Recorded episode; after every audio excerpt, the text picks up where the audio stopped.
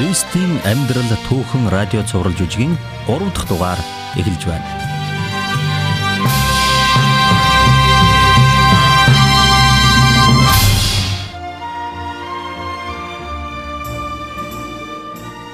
Өнөөдрийн түүхийг Назар хотод амьдардаг Йосеф хэмээх нэгэн мужаан өгүүлэх болно. Йосеф бол даруухан бурханлаг хүн байсан юм. Тэрээр бурхны хүүгийн энэ дэлхий дээрх эцэг нь байхаар сонгогдсон хүн байлаа. Аав нь бурхан атал энэ дэлхий дээрх эцэг гэж юу хэлээд байгаа болоо гэж та гайхаж магадгүй. Тэгвэл энэ асуултынхаа хариултыг та өнөөдрийн энэ сонирхолтой түүхээс авч чадна гэдэгт би итгэлтэй байна.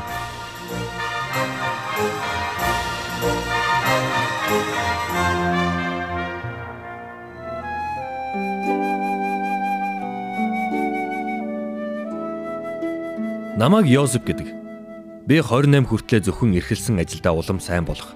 А бас бичээсээ судлан суралцах гэсэн хоёрхан зүйлийг л анхаардаг байсан юм. 7 хоног болгон олон цагийн турш ариун бичээсээс эртний зүнчдийн үгийг уншдаг байлаа. Миний аав Йehova бурхны хүндэлтийг нэгэн байсан учраас намайг энэ итгэлийн замыг сахиж бас мужааныхаа ажилд санаа тавин ажилдагт минь баярлдаг юм. Харин найз нөхдийнхөө дэргэд бол миний энэ хүү чинь модны үртэс судар хоёрыг эхнэр хайж олохоос илүү тавьдаг хүнтэй гэдэл намайг цаашлуулдаг байлаа. Марийг харсан тэр өглөө хүртэл аавын минь хэлсэн тэр үг үнэн байсан юм. Маригийн аав байшингаа сунган бариулах тооцог гаргаж өгөөч ээ гэж надаас хүслээ.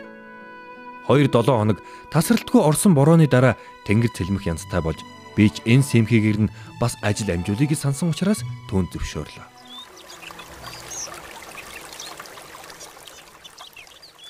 Оо. За өглөөний мэнд яоси. Чи тун эрт босч. Аа сайхан амруу та. Би танах нэг арай сэрээчгээгүй байгаа да. Үгүй хөө минь. Эдний сэрээгээгүй. Би үнэндээ чамааг энд байна гэж өөр мэдсэнгүй. За тэгээд аль талд нь сонголт хийвэл дээр гэж бодож байна да. Хэлийгөө. Баруун талд нь хийвэл нэг их гүнзгий ухах шаардлагагүй юм шиг байна. Харин их урт ухах бол Тэр модыг л зайлуулах хэрэг болох юм бэ.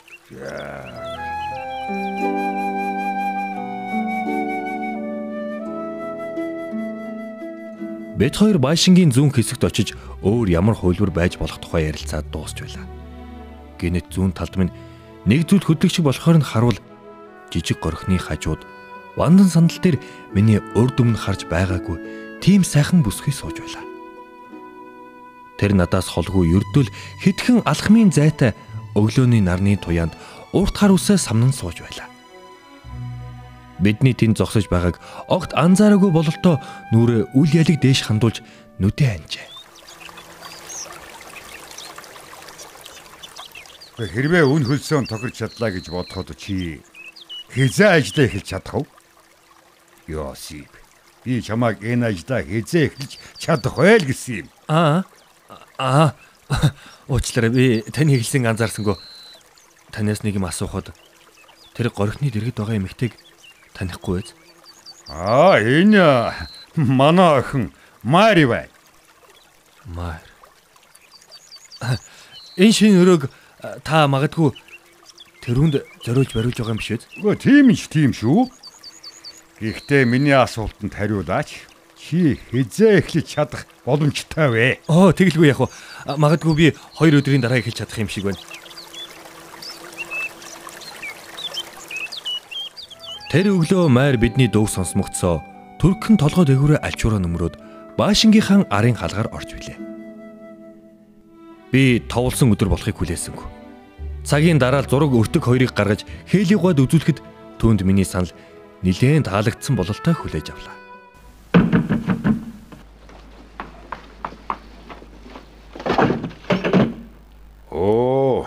Йосип, ямар хурдан эргээд ирэв? Ямаа мартаа юу? Үгүй эгүй. Би танд ойролцоогоор бодож гаргасан тооцоогоо авчирлаа. Шууд хэлэхэд би яг одоо эхэлсэн ч бэлэн байна. Явцын дунд нарийн ширээнийг нь тантай төлөвлөе. Гүн тэгээд үнэхээр нийт үнийн дүнин гэж үү, Йосип? Чи болох юм уу? Бололгүй явах дээр хэм минь. Би ийм л хэмжээтэйг авах ёстой юм гэж бодож байна л да.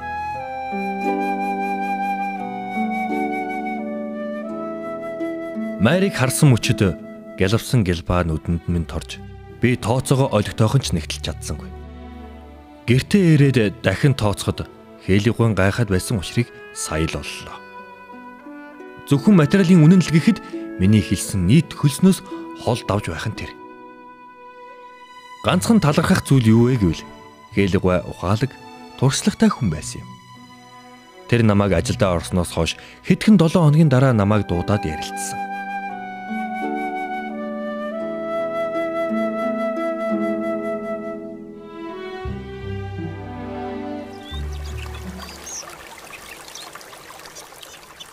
Йосиф хүүмэн.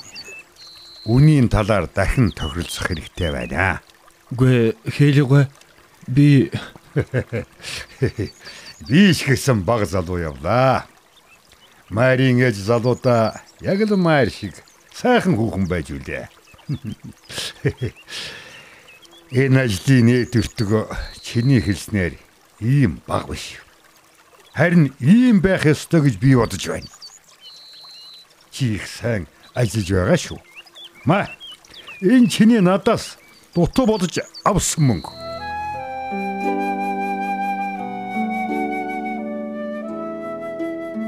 Зөвхөн майрч биш. Ухаалаг, дүлгөө, юмыг ялгаж салгаж хардаг. Түүний аав нь бас миний хүндлэлийг татж билээ. Миний төлөө санаа тавьсных нь хариуд би аль болох сайн ажиллаж хариу барихыг л хичээж байсан юм. Би майрд юу чаддгаа харуулж бас түүний дэргэд жаахан ч гисэн байхын тулд олон цаг ганцаараа хичээнгүлэн ажиллаж байсан. 11 сарын дараа Майрын аав ээж биднийг өрөөж Майр надад сэтгэлэн өгч бид ч сүү тавилаа. Манай ёсонд сүүг гэрлэх ёслоос 1 жилийн өмнө тавьдаг юм. Өөрөөр хэлбэл энэ бол гэрлэлтийн өмнөх албан ёсны амлалт өгч байгаа хэрэг.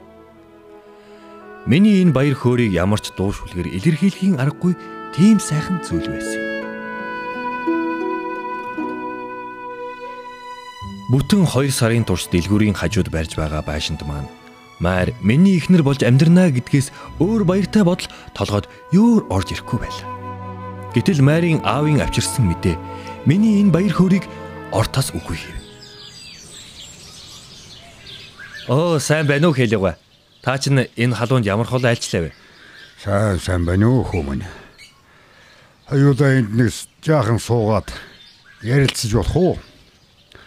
Хол замдалхаад их ядарлаа. Маар надаар чамд мэдээ хөргүүлсэн юм. Хэлээгөө. Ямар нэгэн зүйл болоо юу? Йосип. Яг үннийг хэлэхэд би ч сайн мэдэхгүй л байна. Өнгөрсөн 2-7 хоногийн турш Майр Майрын ээж хоёр нэг л хачин байсан юм. Өчигдөр манай хүү Яаков Юдэн толгой дээр байдаг газар руу явах замдаа манахаар ирээд явсан. Харин өнөө өглөө Майр ээжээсээ зөвшөөрөл аваад ахтагаан зүг явлаа. Тэр гэрлэхээс өмнө нагц их Елизабет дээр очмоор байна гэсэн гин. Яаков тэрдний нутгаа дараад өнгөрөх юм л да. Окей. Хэлийг энэ юу гэсэн үг юм болов? Гэ надаас битгий асуу Йосип. Би өөрөө ч нэг сайн ойлгохгүй л байна. Би зөвхөн мэдээ замжуулагчийн үргэл гүйцэтгэж явна. Майр нэг хэсэгтээ хол газар байна гэдгээ чамд мэдэгдэрэй гэсэн юм.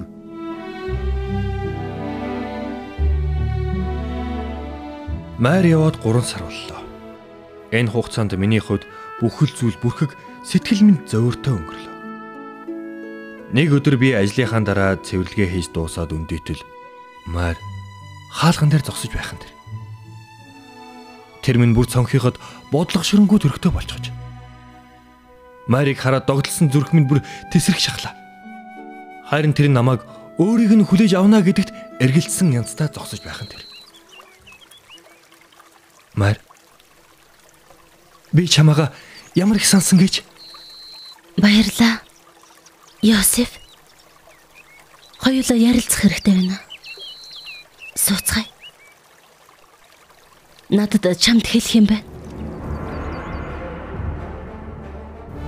Би эмэгтэйчүүдийн талаар нэг зүйл мэдэхгүйч. Марийг бид ярилцах хэрэгтэй гэж хэлэхэд нь ямар ч байсан сайн мэдээ бишээ гэдгийг нь зөнгөөрөө мэдэрсэн юм. Мар чим надад юу ч хэлж байсан гэсэн. Би эр хүн шиг зогсоогоор хүлээж авч чаднаа. За за. Йосеф. Гэхдээ яарч ямар нэгэн дүгнэлт хийхгүй гэдгийг хамлаач те. Бас ярихаас өмнө бурхантай яриараа. Тэр чамд аль нь зөв, аль нь буруу болохыг нь зааж өгөх болно. Маар болил доо. Би ямар раби ч юм уу зүүнчж байгаа биш үү? Жирийн нэг мужаан штэ. Тэгээд ч бурхан надад ямар хувьчлан үгээ хэлнэ гэж байх биш. Йосеф, сонсооч те. Уучлаарай маар. Би дууга өндөрсгий гэж бодоогүй юм л да. Чим надад хэлэх гэж байгаа зүйлээ хэлээ л дээ. Йосеф. Би би давхар болсон. Одоо дөрөв сартай. Маригийн хэлсэн энэ үгийг сонсоод би аянганд нэргүүлэх шиг л боллоо. Хэдийгээр би суухаас татгалзаж байсан ч гэсэн одоо бол шалан дээр баг унаад өхөн тэр. Намайг нэг харахад Майр дэлгүүрээс мань гараад явж байлаа. Шаналсан, алмаарсан бодлууд миний дотроос ундарсаар л байна.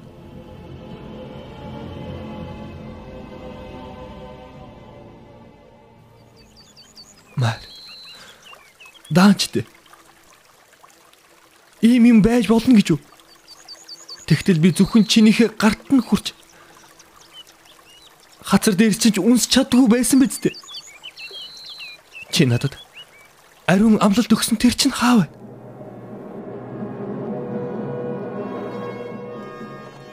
Би тэнд хэр удаан өөрийгөө мөрөвдөж шаналж суснаа мэдсэнгүй. Тэгээд өөрийн ухаангүй шахуу дэлгүүрээсээ зүүн зүг орших толгодыг давж таньж мэдэхгүй замаар бүдчин мэлмэрч түүний нэрийг дуудан явлаа.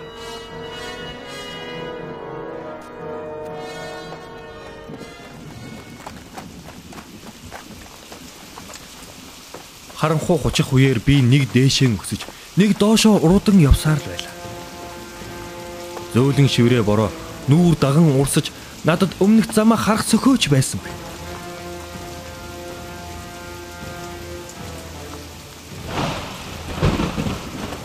Тэр байтугай хаашаа явж байгаа маань хаана очих маань ч чухал биш байд. Огт мэдэхгүй замаар явж байснаа хөл халтарч би гинт доошилж чулуун мөргөн унлаа. Ясандаа тултал ядарч туйлдсан би бүр түрхэн ухаантай байснаа шорон ханыг налаад гүн нойронд автхан тэр. Нэг хэсэг унтаад сэртэл тэргэл сар үүлэн чөлөөгөөр орчныг гүйгүүлж байлаа.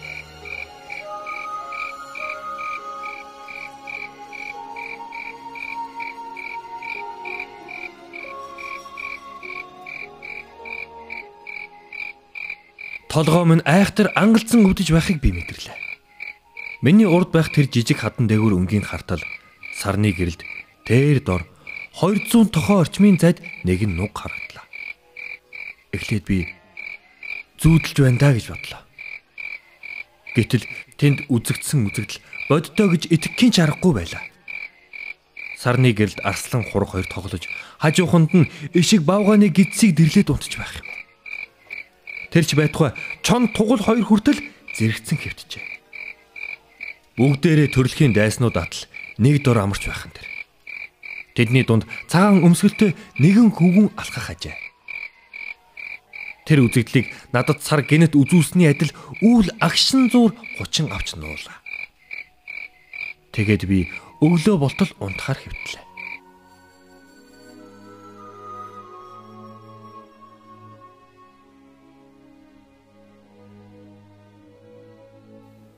Өглөө шувууны жиргээ зөөлөн үлээх салхит намайг сэрээлээ.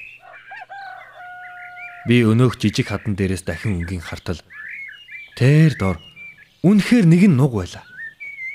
Харин тэнд байсан амьтад нь алгаа. Би хурдхан шиг бууж очоод дөхөж хартал тэнд урд чин амьтад явсан мөр байла. Бас шүүдэртэй өвсөн дээр хүүхдийн хөлийн мөр гарчээ. Энэ юу гэсэн утгатай юм болоо хэмээн би гайхан зогсдол зүнж Исаягийн хэлсэн үг чихэнд нь сонсогдох шиг боллоо.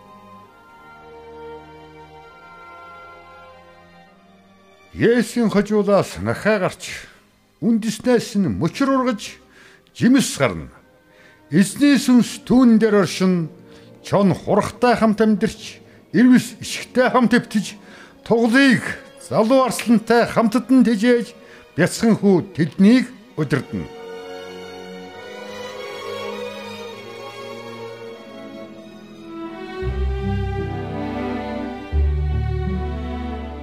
Надад үзэгдсэн гайхалтай зүйл намайг түр сатааруулсан хэдийч майрд харамссан харамсал түүний итгэмжтэй байсан эсхийг нэгтэлсэн бодолд би дахин эзэмдүүллээ. Би тэр эзгүй газраар 2 3 хоногийн турш хэсүүчилж бурханд хандан зүрхний минь шаналлыг нэмгэлж өгөөч ээ гэж гуйж байсан юм.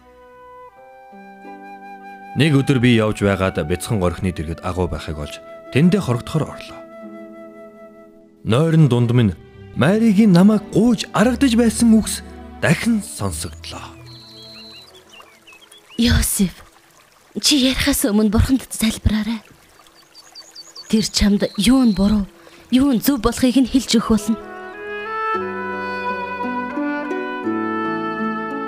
Харанхуйд Маригийн үг чихэн сонсогдсоор л байлаа. Би түүнээс нууцаар салвал цорын ганц зөв шийдвэр болох юм байна гэж бодоод гүн нойрондоо автлаа.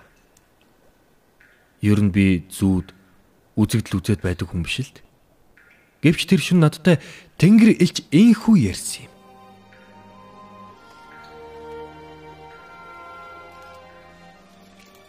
Давидын хүү Йосифо Марийг эхнэрэн болгохоос бүү эмээх түн. Учир нь тэрэнд долдоод байгаа нь ариун сүнснийх юм. Тэрнийг хүү төрүүлэхэд чи Есүс гэж нэрлэ. Учир нь тэр өөрийн ард түмнийг нүглээс аварна.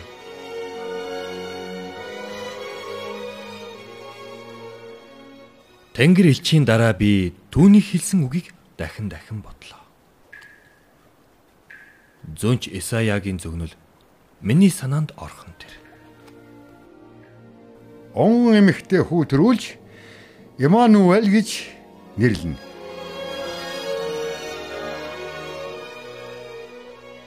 Харанхуйд сонссон бүгдээ эргцүүлэн хэвтхийн сацуу.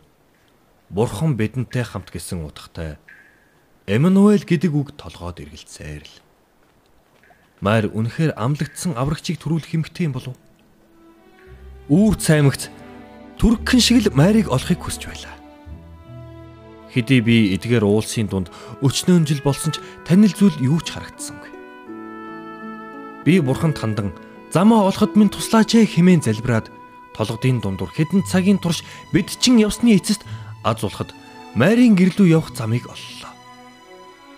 Би Марийг анх харсан тэр өнөөхөл сандал дээр тэр минь намайг эрхийг минь хүлээсэн мэт сууж байлаа.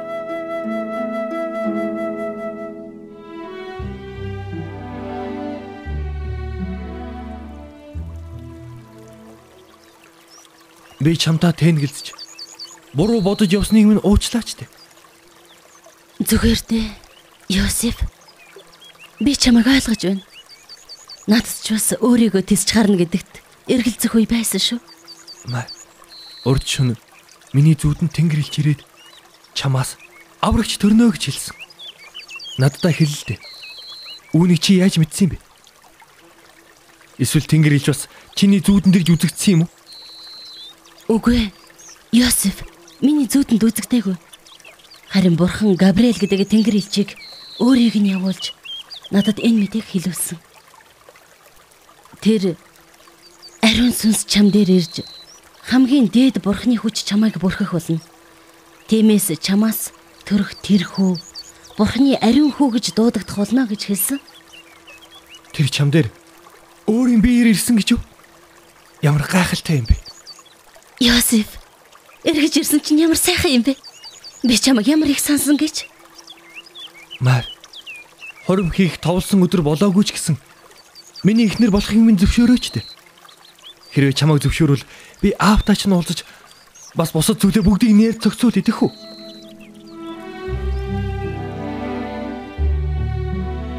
Би өгн майрда зориулж нэжгэр хурим хий гэж бодож байсан юм л та. Гэвч зөвхөн гэр бүлийнхнийхээ хүрээнд жижигхэн ёслол хийх нь ухаалаг хэрэг гэж шийдсэн юм. Бид хоёр хууль ёсны эхнэр нөхөр болсон хэдий ч би Марийг эцгийнхээ герт аюулгүй тав тухтай байхан дээрээ гэж бодсон болохоор түүнийг тэнд нь үлдээж харин өөрөө дэлгүүрийнхээ дээд өрөөнд орж хонголдог байв. Бурхны хүү төрхөөс өмнө би Майртай огт ойртоогүй билээ. Сүү тавьсан баяр хөөр энэ хугацаанд тулгарсан шийдэх ёстой асуудлууд шин байшингаа барих гээд олон зүйл давхцсан учраас Ромын хүн амын тоолгын тухай зарилгийг би огт анзаарлгүй өнгөрөх шахлаа. Харин Марийн аав Ромын хуулийг дагахгүй бол болохгүй гэж надад сануулсан юм. Сайн байна уу аваа? Та ирсэн чинь сайн болж. Би яг энэ ажлаа дуусгаад танад очие доо гэж бодож байлаа. Йосип хүү минь. Хүн амын тооллого удахгүй дуусах гэж байгаа гэж би өнөөдөр сонслоо. Оо. Би бүр таг батчиж. Яг хаана очиж хэлэх ёстой юм болоо? Ромчуудын тогтоосон хуулиар бол хүн бүр гэр бүлийн хамт төрсөн газар хот руугаа бусаж тэндээ бүртгүүлэх ёстой. Тэгэхээр би Давидын удам болохоор бүх зүйлээ орхиод Бэтлехэм явах хэрэгтэй болох нэ. Хөөмөн чи энэ тухай мэдэхгүй байж магадгүй. Тоолгын хугацаа дуусахаас 2-7 хоногийн өмнө амжуулах хэрэгтэй. Марийг бас хамт авч яваарай. Марийг яран ихнэрээ болгосон маань түүнд бас нэгэн асуудал нэмлээ. Юу вэ гэвэл Мар хэдхэн өдрийн дараа төрөх болцсон байдаг. Гэтэл хуулийг биелүүлэхийн тулд алс хол бэлхэм рүү бүхэл бүтэн 5 өдрийн бэрх аялалд надтай явах хэрэгтэй болчихсон байлаа. Тэр үеэс миний ертөнц тэр чигээрэн өөрчлөгдөж бурханд итгэх итгэл маань нэг шатаар ахисан юм. Өдөр бүр би эрч хүч олохын тулд өглөө болгон баяртайгаар ариун бичээсээс уншин залбирдаг болсон. Бурхны үгийг дуулууртаа дагснаар Майр битэрийн туулах асуудал шийдвэрлэгдэнэ гэдэгт би бүрэн дүрэн итгэлтэй болсон юм.